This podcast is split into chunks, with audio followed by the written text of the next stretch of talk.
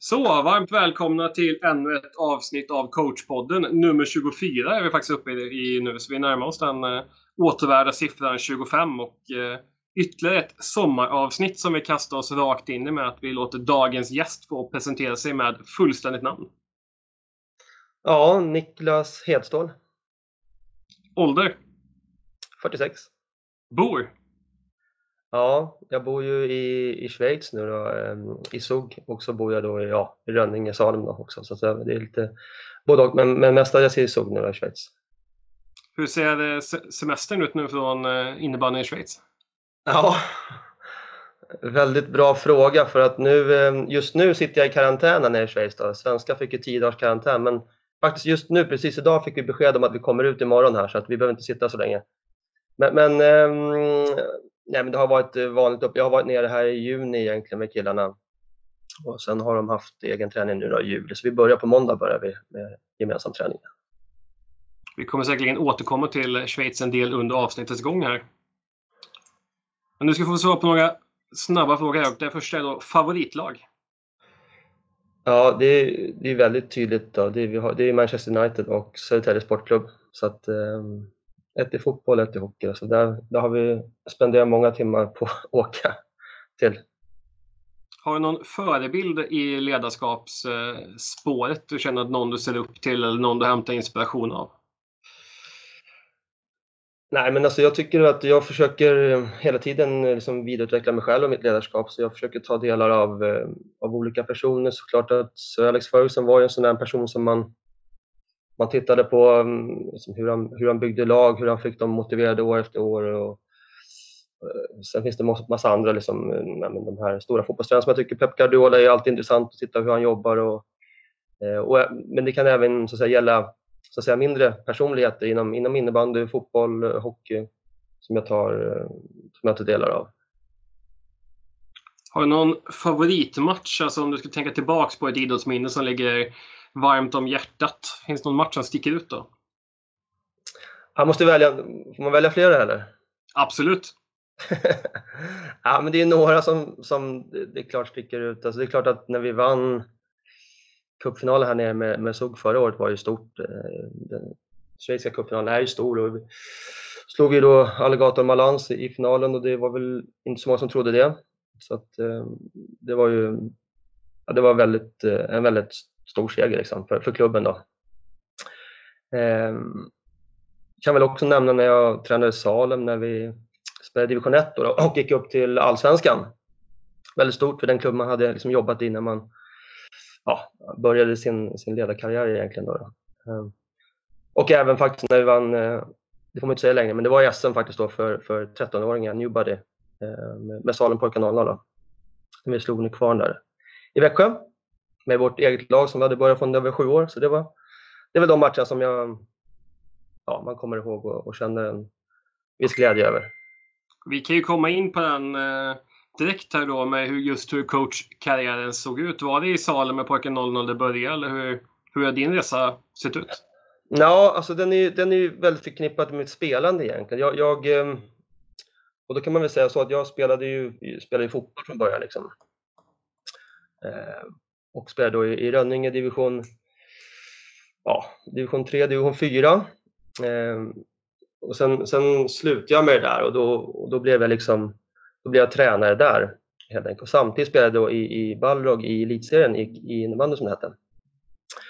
Eh, så kunde jag kombinera med det där, men sen blev jag, slutade jag med innebandy när jag var 27-28 år eh, och, och blev tränare i Rönninge fotboll då, då division 4. Eh, höll på med det några år eh, och sen började jag träna min, min sons lag då, då, i Salem på kanalen. Och samtidigt med det så började jag träna Salems lag i herrar division 1. Då. Det är ju ganska intressant kombo liksom just att både ha ungdomslag och liksom seniorlag på, på ganska hög nivå. Ja, väldigt nyttigt tyckte jag. För det, det, det finns både likheter och skillnader i, liksom, eh, i det hela. Liksom, att hur, man, hur man såklart både utbilda spelare, men det handlar så, allt så mycket om, runt omkring med, med, med föräldrar, med, eh, med styrelse, med sportsliga målsättningar, med kortsiktiga och långsiktiga mål och, och så vidare. Så att, plus att jag liksom hade, hade spelat eh, alldeles nyligen på, på, på hög nivå då, så, så ja, så blev det en bra kombo tyckte jag. Man, man hade med sig mycket input till det som man kunde använda sig av. Jag är ganska nyfiken på när ni tränar liksom med pojkar 00 här, för det var ju ett lag som eh, blev väldigt, väldigt, väldigt framgångsrika på både ungdoms och på juniornivå. Vad var det ni gjorde där som gav en så pass bra grund till så pass många spelare? Den där frågan är ju sådär, ja men vi hade ju en, en väldigt liksom, vad kallar man det, uthållig grupp, en grupp som verkligen ville någonting, som ville eh, ville bli bra. Och det ska, med det här ska sägas att den dagen vi slutade med det här laget, när de var 16 år, då hade vi tre lag. Vi hade 33 spelare eh, som vann så att säga, sitt, sitt slutspel i Stockholm på sin nivå, så kallad svår, medel och lätt nivå. Så det var inte alls en elitsatsning det var fråga om, utan det var en, det var en satsning på, på alla. Eh, alla som var välkomna fick börja såklart och spela på sin nivå och eh, vi försökte jobba med det. Då. Sen var det nivåanpassning och det var liksom, eh, vi tränade rätt hårt. Vi, tränade, vi började träna fys från att de var 13 år. Eh, med, med fys menar jag liksom, att kunna, alltså, löpteknik och, och, och, jobba med egen styrka och så vidare. Och, eh, och så hade vi ett mål att, att bli så bra som möjligt utifrån den nivå som, som killarna var på det, det, det, är inget hokus pokus, det, det, finns ingen magisk formel för det, utan vi hade förmånen att få jobba med eh, några extremt exceptionellt duktiga spelare liksom, och eh, talangfulla spelare om man säger så, om det är rätt uttryck, men, men ja, du vet vad jag menar. Jag vet vad du menar. Mm. Eh, och det ska man gå tillbaka lite, jag kan ju citera vår Per Tjusberg som var tidigare gäst, just att du är uthållig i din satsning, att du orkar liksom vecka ut och vecka in vara ambitiös och noggrann i din träning. Liksom. Eh, och det brukar ju bli liksom att sånt smittar ju av sig i en grupp också. Var det något ni upplevde? Ja, men vi pratar mycket om eh, eh, goda ledare, att vi hade spelare som, som drev verksamheten framåt och att eh, när vi tränade så tränade vi. Utan, klart vi hade kul, det är inte det det handlar om, men, men vi tränade hårt och vi tränade bra och vi tränade för att bli bättre. Det är liksom en, en, när vi kommer till träning så är vi där för att eh, leverera på den tiden. Vi pratar mycket om förberedelser, hur man kommer till träning och match. eh, sova, äta, sådana saker. Sådana saker när man är 13, 14, 15 år här skulle jag säga, om inte viktigare än själva innebandyträningen i många fall. För att, eh, det, det, så kommer man upp, liksom börjar man, så går man i 8 9 där man börjar diskutera betyg noggrant till gymnasiet och sådana saker. Så det är som alltid när det gäller eh, utveckling och det handlar om helheten, alltså att, att få ihop den. Det är en klassiker att man kommer, kommer till matchen, knappt sovit, käkar en toast och sen gör en platt match och så tycker man att eh, spelsystemet inte funkar eller man får dåliga passningar. Ja, det, det är lätt att skylla på det då.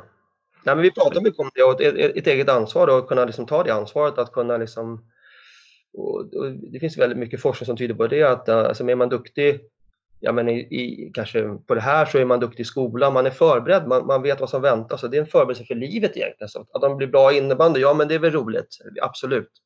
Men det handlar mer om att forma dem som människor, eh, tyckte vi då, i våran liksom, eh, att, att göra dem till eh, må bra både fysiskt och psykiskt.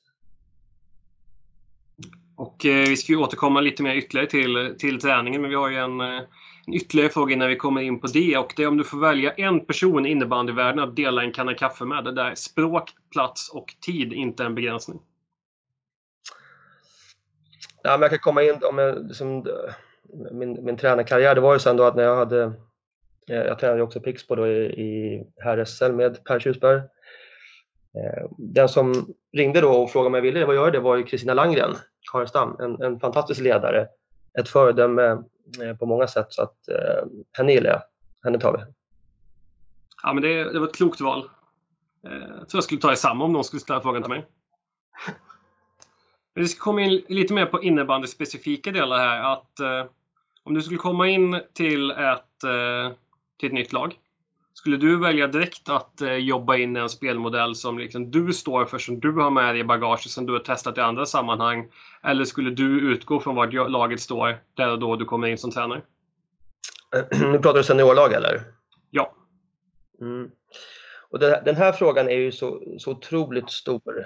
Eh, jag kan väl säga så att nej men, vad, vad det handlar om i, i mitt ledarskap framförallt är att Eh, få spelare att utvecklas och bli bättre. Liksom. Att, eh, att få jag som ledare ska få dem att nå sin maximala potential. Och jag pratar inte om sifferuppställningar i försvarsspel. Eller, för det är inte intressant för mig, för det är inte där, där det avgörs tycker jag.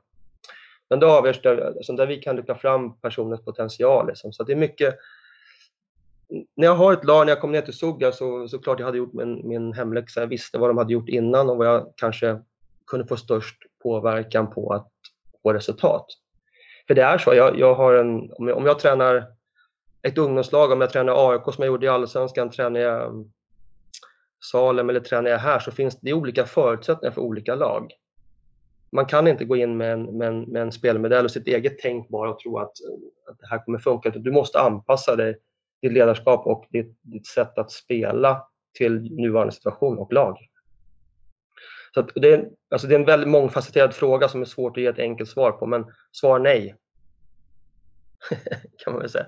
Alltså, spe, spelmodell för mig handlar om att vi vill, tittar man på bra lag, vilka är bra lag i olika sporter? Ja, vi tittar på världens bästa innebandylag, det är Classic just nu i Finland. Tittar man på fotboll, vad är det då? Vi pratar Real Madrid, eh, Manchester City eh, och så vidare, olika sporter. Alla de lagen är ju extremt duktiga med boll. De har en extrem skicklighet i sitt beslutsfattande med boll och eh, att kunna skapa situationer som inte de andra lagen klarar av. Ett försvarsspel är mycket enklare att ställa upp och, liksom resonera kring. Men att, få spelarna att utvecklas i spelet med boll, det är ju där edgen finns. Det är där man som tränare ska göra den stora, eh, den, den, stora pushen. Liksom. Och hur, hur rent konkret gör man det?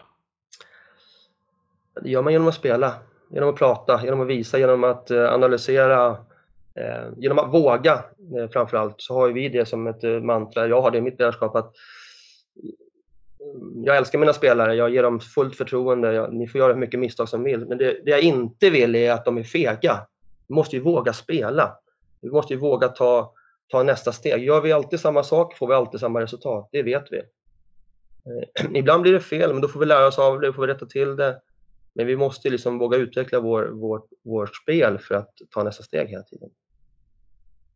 Ja, det är ju spännande som attan, för någonstans kan man ju tänka det som är intressant är ju hur man kan träna för sina spelare för att bli en spelare som passar in i den modellen du nämner. Har du några konkreta tips liksom på träningsupplägg på själva innebandyplan? Ja, att du inte ska göra så. Jag tycker att man ska träna spelaren utifrån att klara olika situationer på olika, olika modeller. Tränar man en spelare för att sätta in en ny modell, då blir man ju väldigt begränsad tycker jag. Det är ju inte vi som ska ge lösningen, utan spelaren behöver ju finna lösningen själv på planen utifrån olika förutsättningar. Så att eh, här tycker jag liksom att det, det, när jag ser en, en, en ungdomsmatch i Stockholm, pojkar 12, så ser jag någon som ställer upp någon zonförsvar, de får knappt gå över halva plan. Jag blir ju lätt beklämd av sånt. För det handlar ju bara om att vinna matchen. Då har man en, en, liksom en, en tanke om att det här systemet gynnar eh, det kortsiktiga resultatet. Det är inte det det handlar om, framförallt inte på ungdomsnivå. Där behöver vi liksom, ehm, ja, vi kan, när jag tränade Salem till exempel så hade vi en vision, jag och den väldigt duktiga tränaren Jonny Lindström, som är pappa till Tobias, Jesper och Gustav Lindström, eh, när vi tog över dem där då, i division 1, att då körde vi mamman över hela banan, fullplanspress. Vi, var, vi, pratade, vi pratade aldrig resultat, men vi pratade bara om utveckling och återerövring, att, att vinna bollen så högt upp som möjligt för att, för att skapa någonting nytt som ingen annan har gjort. Eh, och det är klart att för motståndarna var det också en, en väldigt svår sak att hantera, för de var inte vana med det. Så att eh, ja, ja, vi måste, spelarna behöver bli bredare eh, från, från tidigare ålder också. Vi måste lära oss taktisk, taktisk kunskap också, så börjar som tekniskt lika mycket. Det är väldigt mycket fokus på teknik nu, att vi ska välja rätt, men vi måste också ha vi ska kunna taktiska lösningar, då menar jag både försvarsmässigt och, och, eh, och offensivt, för det hänger ihop hela biten. Ja, det, är, det är ju jätteintressant för det är lite det samma resonemang som Peter Hörnsten Svensson var inne på i senaste avsnittet också. Just att det här spela spelet. Det upplever jag går tillbaka också väldigt mycket i träningsplaneringen att ungdomsledare liksom måste hitta en övningsdesign där man spelar och har övningar som är matchlika med den typen av komplexitet. Mm. Jag tänker också, just som du nämnde Salem där, att ni var med och introducerade det här man-man-spelet. För det är väl någonting som har levt kvar och här laget fortfarande är väldigt framgångsrika med. Mm, absolut. Ja, men de, de kör kanske lite lägre spel nu då, men, men, men det är väl en, en röd tråd man har haft liksom genom föreningen då för att, för att skapa någonting nytt. För att när vi tog fram det där, tog fram, eh, när vi jobbade med det var det för att vi ville bli bättre i duellspelet, eh, man-man-spelet. Liksom. För att, även fast du spelar olika former av zonförsvar så, så är det ju duellspelet som vi behöver bli bättre. Titta på de senaste VM-finalerna där Finland har slagit oss 100-0 i duellspelet. Um, så att, uh, ja, så att uh, duellspelet var väl liksom en tanke, spela en, liksom en, en annorlunda typ av innebandy. Och, men det är också, den, det är det jag menar, jag kan göra det i division 1 i Salem, jag kan inte göra det här nere i SOG, det funkar inte så. Vad, men det här med man-man-spelet det tycker jag är jätteintressant. Vad skulle du säga för nyckelfaktorer för att du ska kunna lyckas med, med ett lag? Att det är några egenskaper man behöver ha, liksom att vi behöver generellt vara snabbare än våra motståndare eller? Det är ju lättare om man är bättre än motståndaren individuellt. Det, det, är ju faktiskt så. Vi, nu har ju, Riga har ju spelat i alla år också. Eh, och jag eh, spelade också det när jag, när jag spelade under Ballag. Då. Eh, men, men det handlar ju om att när man blir så pass duktig på det som man kan bli, då, då behöver man knappt röra sig. Då byter man bara spelare hela tiden. Så det är fruktansvärt effektivt. Men det är också för att för en motståndare känns det väldigt frustrerande för du har alltid en spelare på det. En spelare som är van att stå i, fickan, liksom i vänsterfickan och bara ta emot bollar och dra dragskott, han får inte göra det mot ett sånt spelsystem och de, de känner sig väldigt frustrerade. Så, men du behöver ha en löpstyrka, du behöver en snabbhet, du behöver kunna läsa situationer.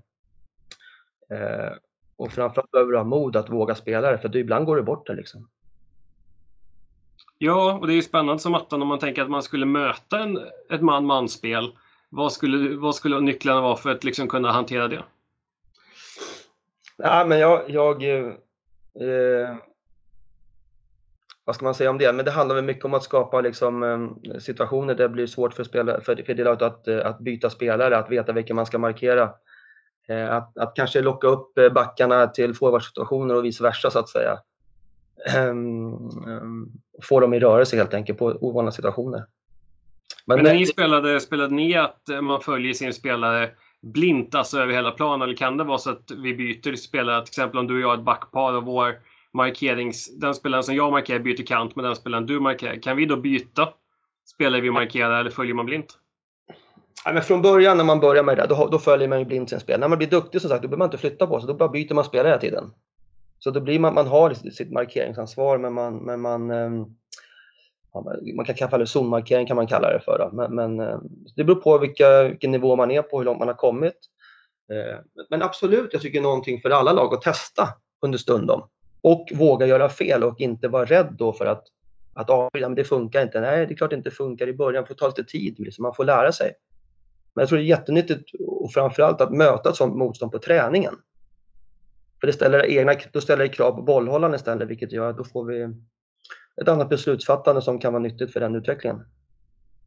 Och det är ju spännande som attan, för det brukar ju vara liksom en höjdpunkt varje år i Stockholmssammanhang när man mötte Salen. För det var ju liksom en utmaning som hette duga, oavsett om det var i senior eller på ungdomssidan. Ja, men det, det är ju för att det, det, är ju bara Salen som spelar så egentligen. Ja, har det varit. Faktiskt. Kan det finnas en styrka liksom att som förening ha liksom en jag vet inte, alltså det behöver inte vara tokspecifikt att varje lag i föreningen ska spela exakt 2-1-2 för ett zonförsvar eller ett man-man kan ju liksom formeras i olika eller te sig på olika sätt. Men kan det finnas en styrka att det finns en röd tråd i en förening tycker du? Ja, det där är en jätteintressant fråga som jag känner att likväl som det kan vara det så får det inte bli för mycket heller. Alltså man, man får inte stöpas där heller i samma form. För att jag, det är viktigt att vi, jag pratade just med Peter, Peter Hörnström om den här frågan att när man spelar man-man kan det bli så att man bara följer sin gubbe till slut och då kanske det blir så att man inte läser av situationerna istället. Så det, det, finns alltid, den här pendeln får inte slå för långt. Det är det man måste, du, du måste bli så pass flexibel och duktig på att kunna hantera allt. Vill du bli bäst eller väldigt bra så måste du kunna hantera olika spelsystem, olika motståndare eh, i olika situationer. Eh, men, men man bör ju kunna, liksom ha, kunna hantera det mesta. Det är tillbaks liksom att är du bäst på att spela spelet innebandy så blir det väldigt utslagsgivande. Det blir, det kan vara så. Jag tänker vi ska dyka ner lite till eh, Schweiz där du befinner dig nu. Men vi backar bandet något år här och kollar. När det blev klart att du skulle flytta ner, vad hade du för förväntningar på laget du skulle träna? Vad, vad hade du för förhandsinformation? Nej, men alltså, det är klart att jag, jag visste ju Eh, jag tog reda på saker och om laget. Jag eh, visste ju nivån ungefär på laget då, men det var ju så här, det man ska komma ihåg med, med, med SUG var ju att för, för tre år sedan var man ett NLB-lag. Och då fick man ner Bindy Nilsson hit. Som gjorde eh, fantastiska saker här nere. Han, han gjorde ju egentligen att laget gick upp till högsta serien och, eh, och, och etablerade sig egentligen. Ehm, det man hade var ju när jag kom ner var, jag skulle kalla det för en, en den var inte kanske jätteelitmässig kulturen på alla bitar. Alltså det, så vi pratar ju, jag tittar på där vi liksom kan förbättra vår fysik, våra förberedelser inför match, våra och så vidare. Sen, prat, sen är det mycket liksom diskussioner Alltså våra spelare här var ju väldigt vana med att spela väldigt försvarsinriktat. Det var mycket um, lågt försvarsspel och kontring. Man hade inte diskuterat det här spelet med boll. För att, och schweizare generellt är ju så att man vill inte göra misstag. Man vill väldigt, ha väldigt klara lösningar på alla problem. Så det är en utmaning i ledarskapet och, och det här visste jag ju om innan jag kom. Så att jag kände att när, när den här chansen dök upp eh, så var det ju, och det funkar med familjen så var det en enorm möjlighet för att utveckla mig själv som ledare. Eh, och det var väl eh, ja, men det var ett fantastiskt första år och liksom, vi har fått nått väldigt långt tycker jag redan nu men vi, vi, har, vi har börjat sätta ny kultur och, och eh, försöka närma oss liksom, om toppen här i Schweiz. Då. Ta lite steg för steg. Jag tänker, liksom, du pratar lite om ny kultur där och liksom, din prägel på laget. Är det just det här professionella att man kanske tränar hårdare eller vilka är de tydligaste liksom, tendenserna ja, som har gjort sedan du kom in? Nej, men det är också så här, om jag inte trampar någon för mycket på tårna här nu. Alltså vi, när, man, när du tränar elitlag så måste, ska du vinna. Så är det. Tränar du lag i högsta serien eller land, så handlar det om att vinna. Det, det, är, det är ju faktiskt det, det går ut på. Den här pendeln med att vi ska utveckla och utbilda spelare, den måste också finnas med. Men, men, men här är det, när jag kommer ner till, till ett nytt land, de har förväntningar på att få se resultat. För det, första, det handlar om att få med sig några resultat, få lite lugn, få förtroende i gruppen och det är klart att nu hade vi en bra år förra året, då har man ju ett större förtroendekapital eh, att, att göra saker. Så att allt det här är ju, det hänger ihop. Så att, eh, men det handlar mycket om eh, en förbättrad träningskultur, öka våra fysiska värden har vi gjort radikalt. Vi har eh, förbättrat våra spel med boll då, som, vi, som vi jobbar jättemycket med. Om man skulle bara dra några korta riktlinjer, vad, vad är SOG för lag? Om vi tänker liksom rent eh, taktiskt.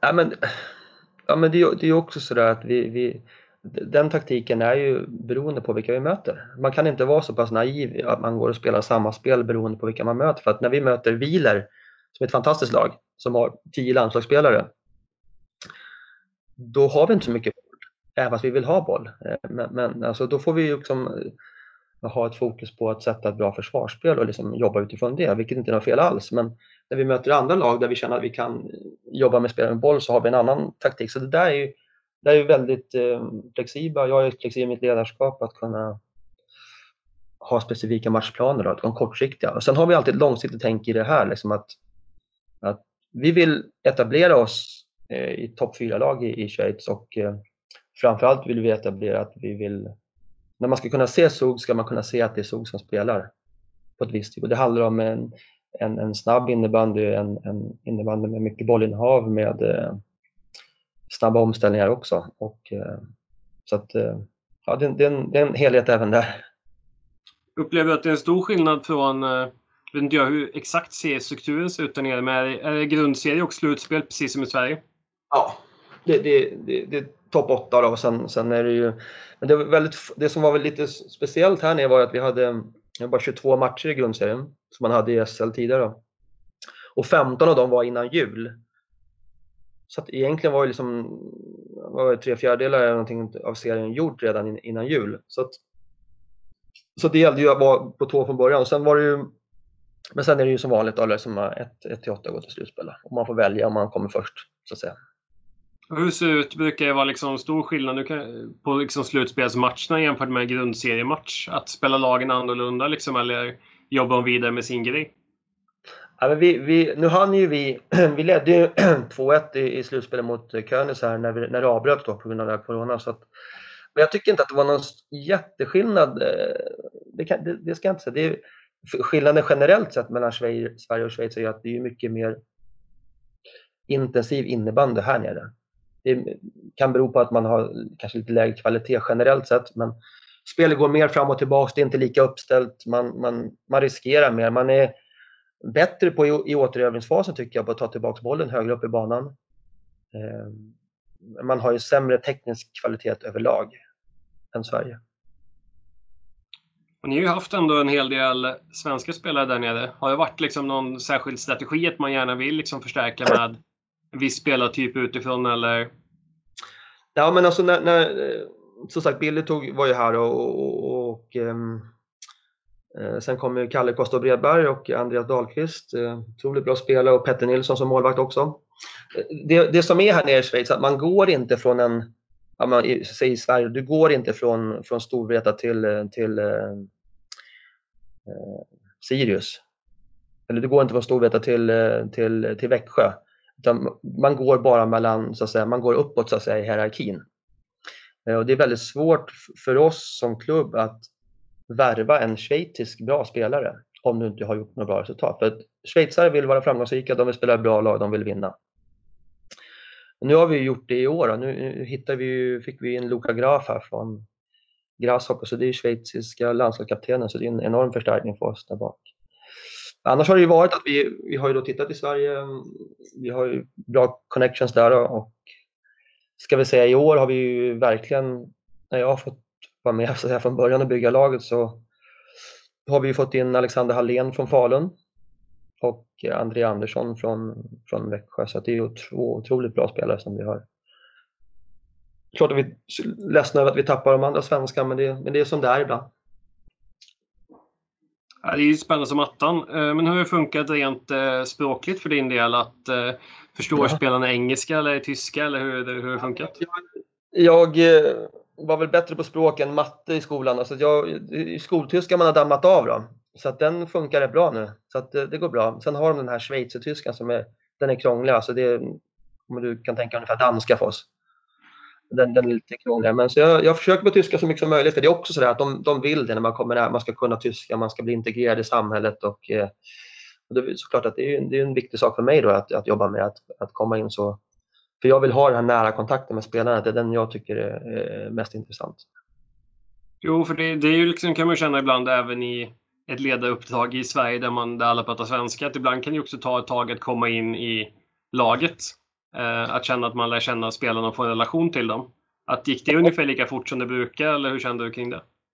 Ja, men jag, eh, alltså, jag som, som, som person då, då, och när jag tittar på, på mig vad jag kan jag jobbar liksom, man kallar det humanistiskt ledarskap. Vi pratar om att, att jobba nära spelare, tro på spelarnas individer och deras ansvar och, och, och utveckla dem. Så jag, jag är väldigt nära spelarna. Jag, eh, jag tror att man, jag tror personligen att det är det viktigaste. Att få spelarna att må bra.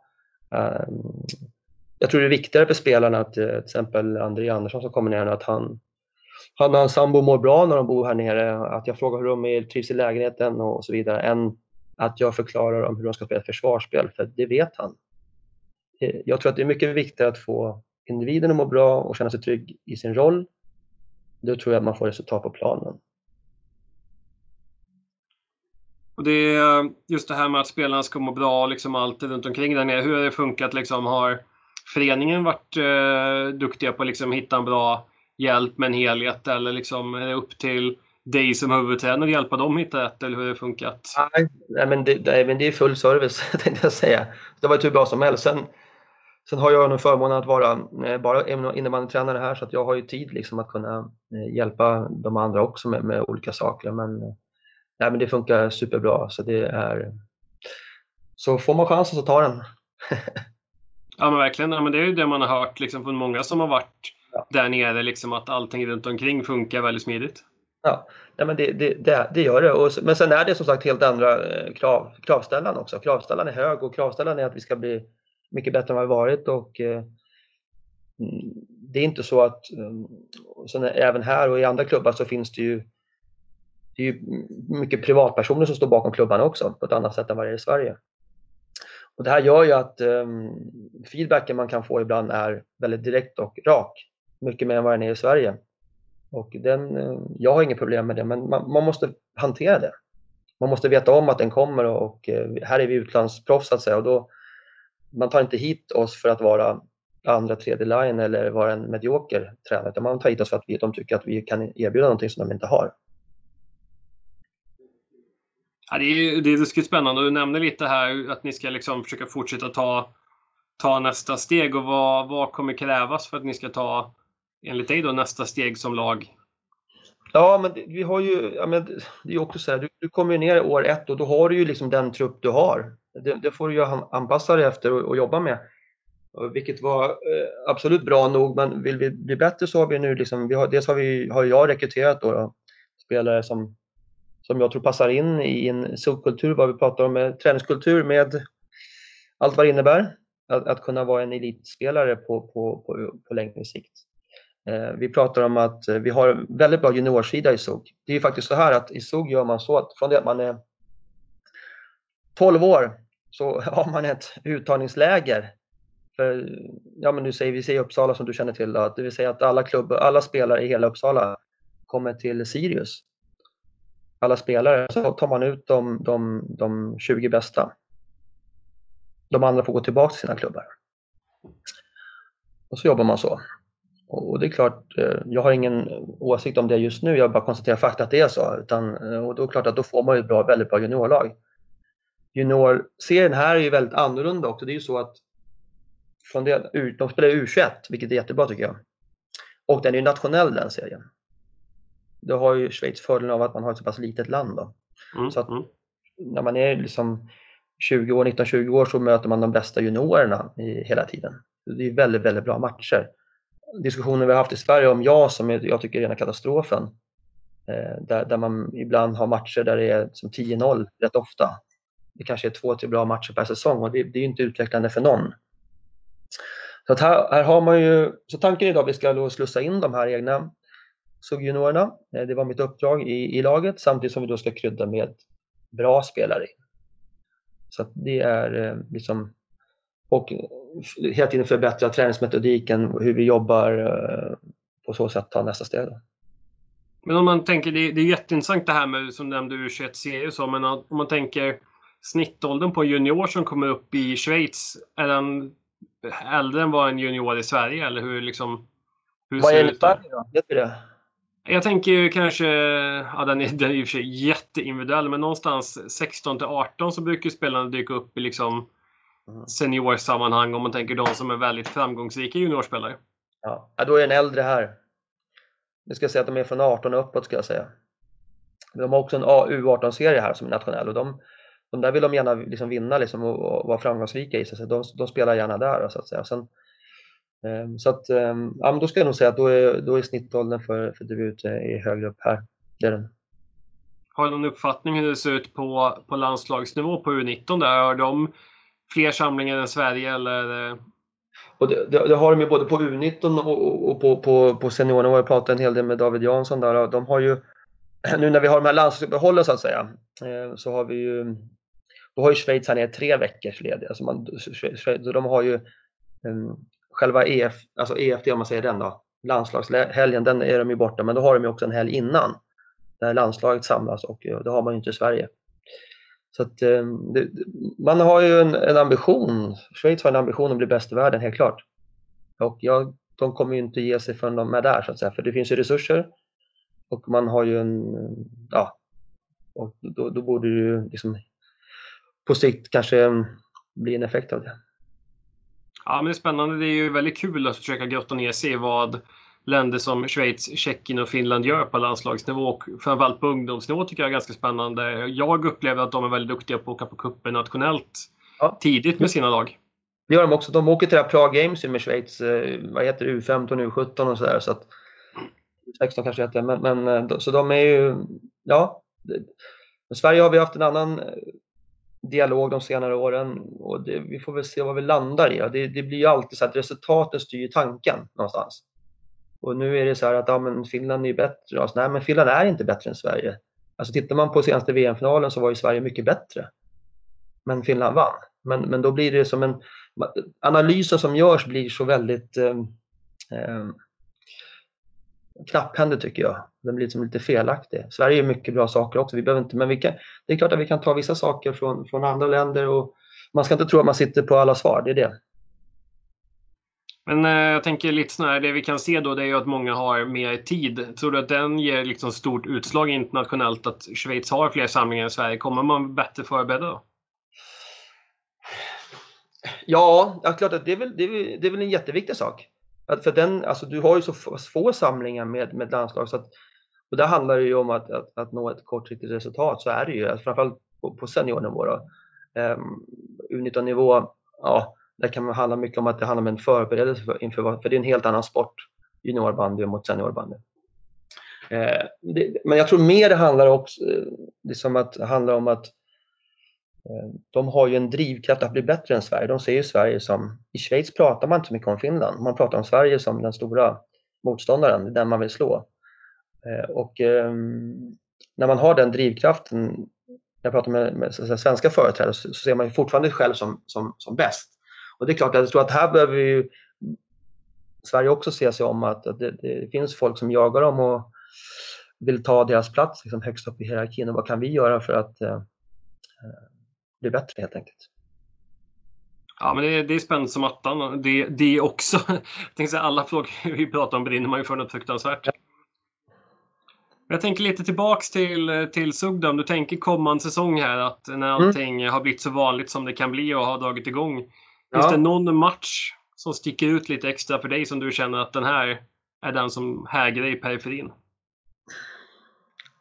Nej, men vi, vi slog ju alla lag förra året, förutom Wieler då. då. Där fick vi två riktiga överkörningar. Jag tror det var 14-2 till slut i, i, totalt sett över två matcher. Eh, så där känner jag att jag vill ju liksom, för de är nummer ett. Och där vill jag se att våran sättet vi jobbar på, att vi närmar oss dem, att vi blir bättre, att vi tar steg, att vi... Vi pratar mycket också om här nere att det var väldigt tydligt för mig när vi mötte de här topplagen att man kände att men det här, vi har ingen chans mot de här. Utan, och då vände vi på det här mindsetet att så vi, klart, vi, kan vinna, vi ska vinna alla matcher. När vårt mindset är när vi som stod att vi ska försöka vinna alla matcher. Varje match är en potentiell vinst. Det finns inget annat som, som finns på kartan. Eh, sen är vissa svårare än andra men men, men där känner jag att där vill jag ju se att vi liksom kan utveckla vår, vår, vår, vår organisation som det heter för att, för att ta nya steg. För det handlar inte bara om eh, spelarna på plan, det handlar om tränare, det är liksom målvaktstränare, fysiologtränare eh, och så vidare och så vidare. Och så vidare. Allt måste vara liksom snäppet bättre än förra året.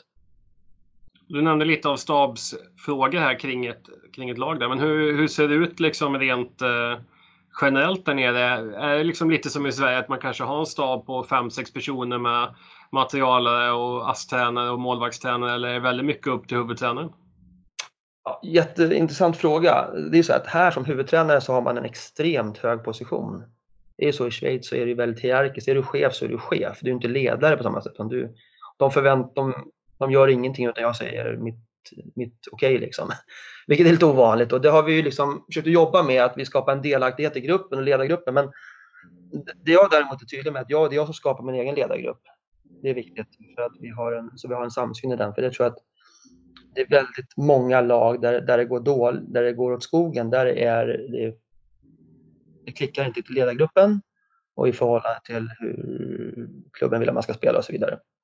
Så där, här har vi då eh, nej, men vi har ju målvaktstränare, vi har en fystränare, vi har en fysio, vi har en egen läkare till och med.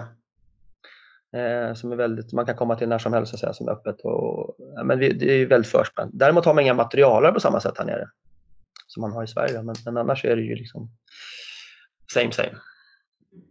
Och bara kort på ungdomssidan, liksom, om man tänkte också väldigt generellt, det är liksom föräldratränare i, i stort sett hela vägen upp till junioråren eller är man tidigare på externa tränare? Jättebra fråga också. I SOG då, från 14 år så är det då arvoderade externa ledare. Man är väldigt tydlig med att man inte har några föräldraledare.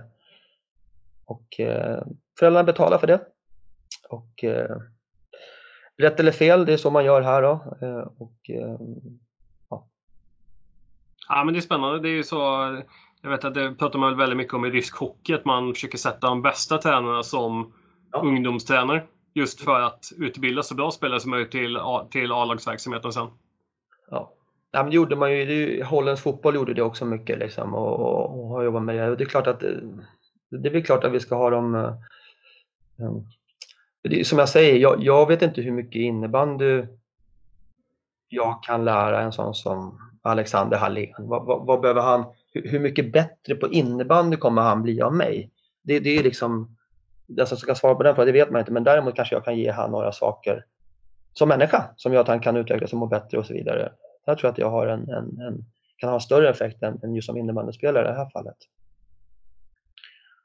Och Det kan ju också vara liksom det här att kunna komma till ett, till ett nytt lag och nytt äventyr. Liksom. Och det kan ju också ge en väldigt stor effekt på, på en spelares karriär att få komma utomlands och få testa något nytt. Ja men självklart så det är klart att vi har, vi har ju liksom diskuterat, jag har diskuterat mycket med de här spelarna när vi turnerar om vilka förväntansbilden och, och, och, och deras liksom driv och motivation till att komma hit. För att, som sagt, när de kommer hit så har de ögon på sig att, att ja, absolut leverera poäng och sådär, men det, är en, en, det handlar mycket för mig om att vara liksom ledande spelare i laget med allt vad det innebär. Eh, liksom träningsdriv och så vidare. Liksom. Jag vill ju att eh, Alexander Hallén ska komma hit med Faluns träningsdriv och sätta den standarden. Så här jobbar vi där. Och varför kan inte vi jobba så här? Det är klart vi kan. Träna, vi kan träna på exakt samma sätt som de bästa lagen i världen. Det, det är bara vi måste göra det. Eh, det är lätt att säga en sak och vilja bli bra, men det är väldigt få som orkar ta det, det, det steget. Jag kan ja. säga en historia när jag var, jag var och spelade golf häromdagen, eller häromdagen, häromveckan i Sverige med en basketlegendar som heter Jonathan Karlsson. Väldigt känd. Eh, han berättade när han var, han var och hälsade på Michael Jordan där för några, några år sedan, när han var för 20 år sedan, när han var som bäst. Då berättade han att de här NBA-lagen och de här NBA-spelarna, de tränar extremt hårt. Men det var ju ingenting mot Michael Jordan hur han tränade.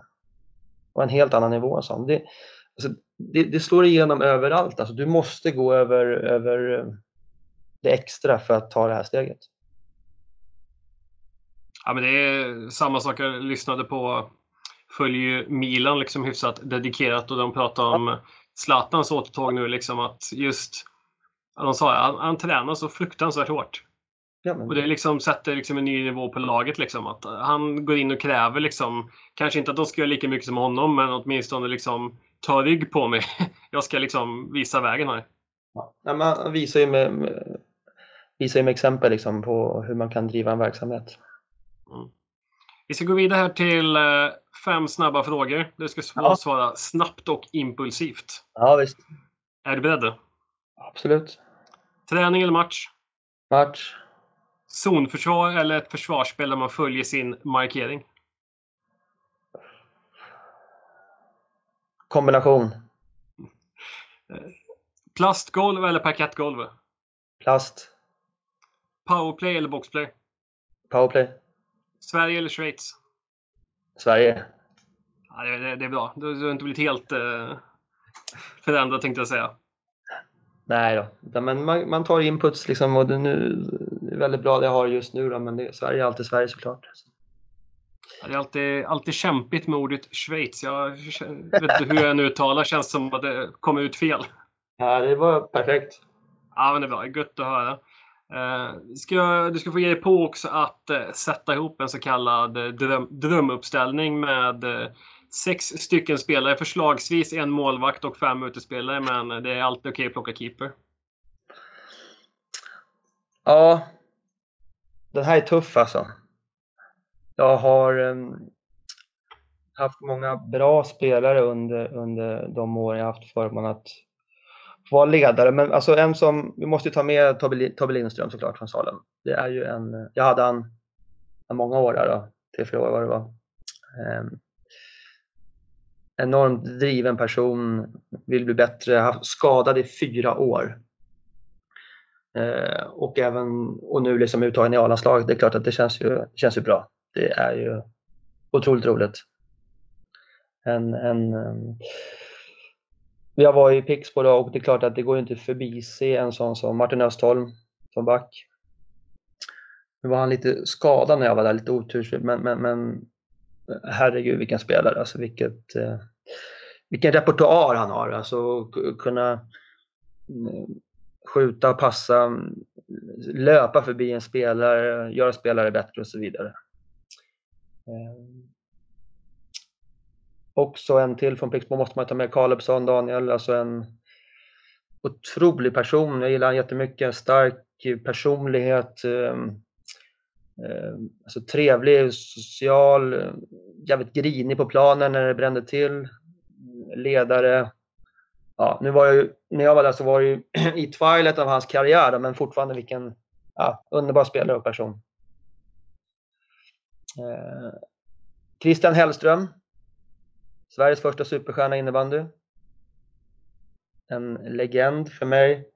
Spelat tillsammans i många år. Han var oerhörd. Han var, ja, han var fin alltså. Han eh, kunde göra mest sjuka grejer på träning och, och liksom oftast bäst i de bästa matcherna och sådär.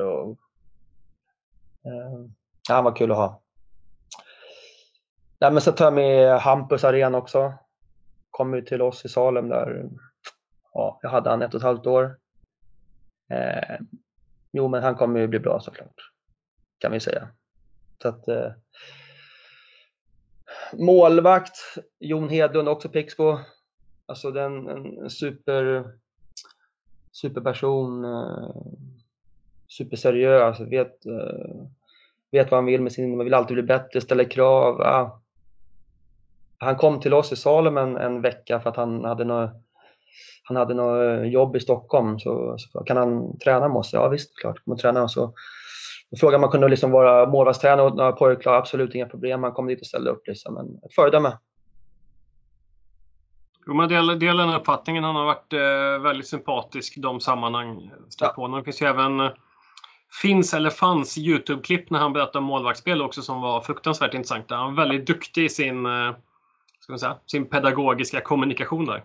Ja, men han är ju utbildad psykolog då, så han, han är Ja, han är också en utmaning som ledare, så det är klart att han, men han är ju, äh, fin kille, underbar.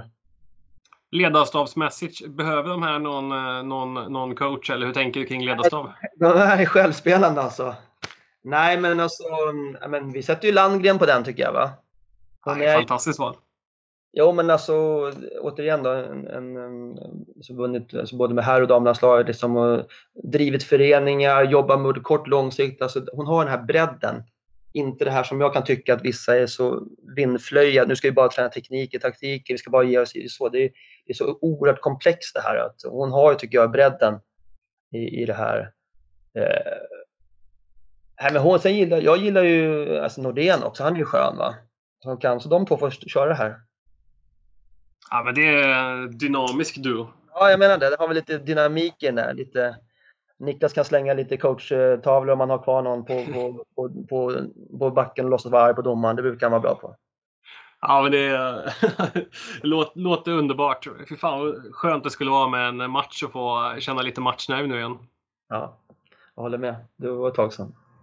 Ja, men vi, vi hoppas som sagt att allting blir så vanligt som det bara kan bli och att eh, sporten eh, vi brinner för snart är igång så att vi får, får njuta av det. Men vi säger ett eh, stort tack för att du tagit dig tid att medverka i coachpodden och ett stort lycka till den kommande säsongen.